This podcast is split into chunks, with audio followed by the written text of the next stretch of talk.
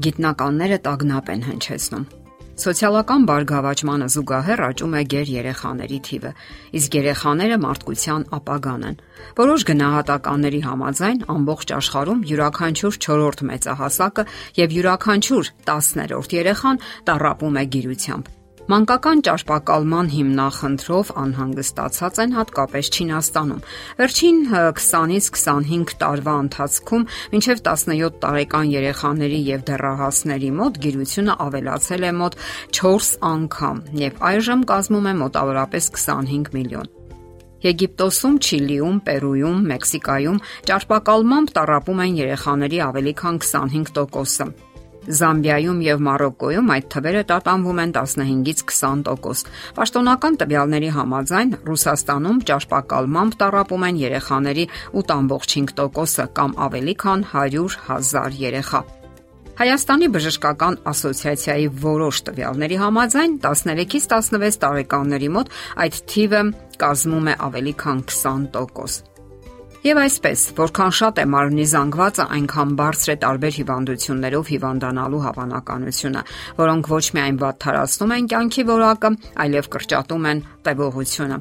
Ավելորդ քաշով նվազ շարժունակությամբ թույլ զարգացած մկաններով ու ոսկորներով երեխաները ավելի շատ են հակված վնասվածքների։ Առողջ կենսաձևի բնագավառի որոշ գիտնականներ ավելորդ քաշի հիմնախնդիրը երեխաների մոտ համարում են համաճարակ։ Իսկ ինչ կարող են անել ծնողները։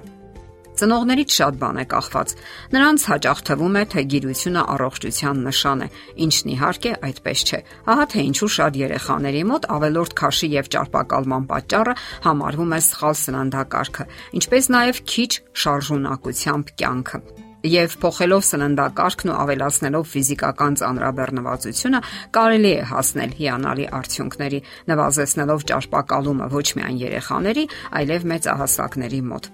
Կան կանոններ, որոնց հետևելը կօգնի բարելավելու երեխաների առողջությունը։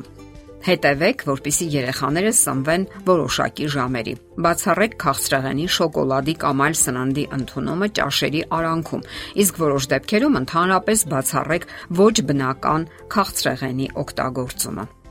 Հաջորդը Մի պարտադրեք երեխաներին ուտել ավելին, քան անհրաժեշտ է իրենց։ Շատակերությամբ նրանք ոչ միայն ավելորդ քաշ են հավաքում, այլ սովորում են ուտել չափազանց մեծ քանակի եւ դառնում են անզուսպ։ Փոքր երեխաների մոտ շատակերության սովորությունը սովորաբար առաջ է գալիս ծնողների պատճառով։ Երեխաներին սովորեցրեք ավելի շատ թարմ մրգեր ու բանջարեղեն օգտագործել Տեսել եք թե ինչպես են նրանք մանուկ հասակում մեծ հաճույքով ուտում թե հումգազարը, թե խնձորը։ Կտրուկ նվազեցրեք արհեստական քաղցրեղենի քանակը՝ կոնֆետ, շոկոլադ, թխվածք, պաղպաղակ եւ այլն։ Հետևեք թե ինչ սննդամթերքներ կան ձեր սառնարանում։ Ձգտեք անել այնպես, որ այնտեղ ավելի շատ լինեն բազմազան եւ օգտակար ճաշատեսակներ։ Հաջորդ կետը. Թույլ մի տվեք, որ երեխաները ճաշի ժամանակ հեռուստացույց նայեն։ Երեխաներին մասնակից դարձրեք ճաշատեսակների պատրաստմանը։ Նրանք սովորաբար հաճույքով են ուտում այն, ինչ իրենք են պատրաստել։ Նրանց հետ միասին հնարավորության սահմանում բանջարեղեն աճեցրեք։ Նրանք ավելի հաճույքով կուտեն իրենց աճեցրած բանջարեղենը, քան խանութից գնածը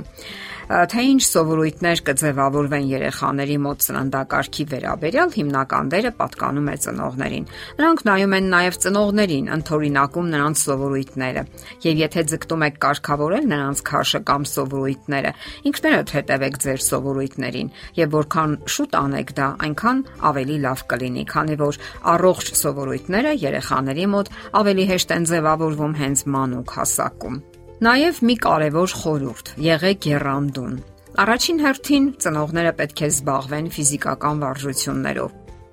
Դրանով նախ իրենք կլինեն ավելի առողջ եւ հետո բարի օրինակ կծառայեն երեխաների համար։ Կարող եք նրանց հետ խոսել մարզիկների, նրանց նվաճումների, առողջ կենսաձևի կարևորության մասին։ Դրանով նրանց կմղեք ավելի երանդուն լինելու գովաբանեք նրանց այդ օրինակ գործունեությունը, եթե կա։ Ձեր տանը կամ բակում համապատասխան տեղ կարող եք հատկացնել մարզական սարքեր տեղավորելու համար եւ ինքներդ էլ զբաղվել, օրինակ ծառայել։ Դուք կարող եք միասին գնալ այգի։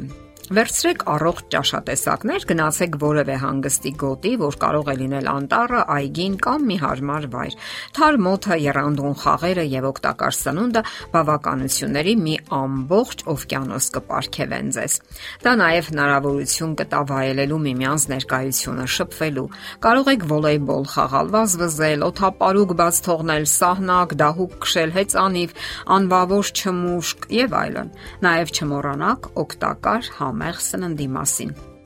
Եթե դուք հնարավորություն ունեք ծով գնալու, դարձյալ չմոռանաք երանդուն խաղերի մասին հենց ծովափում։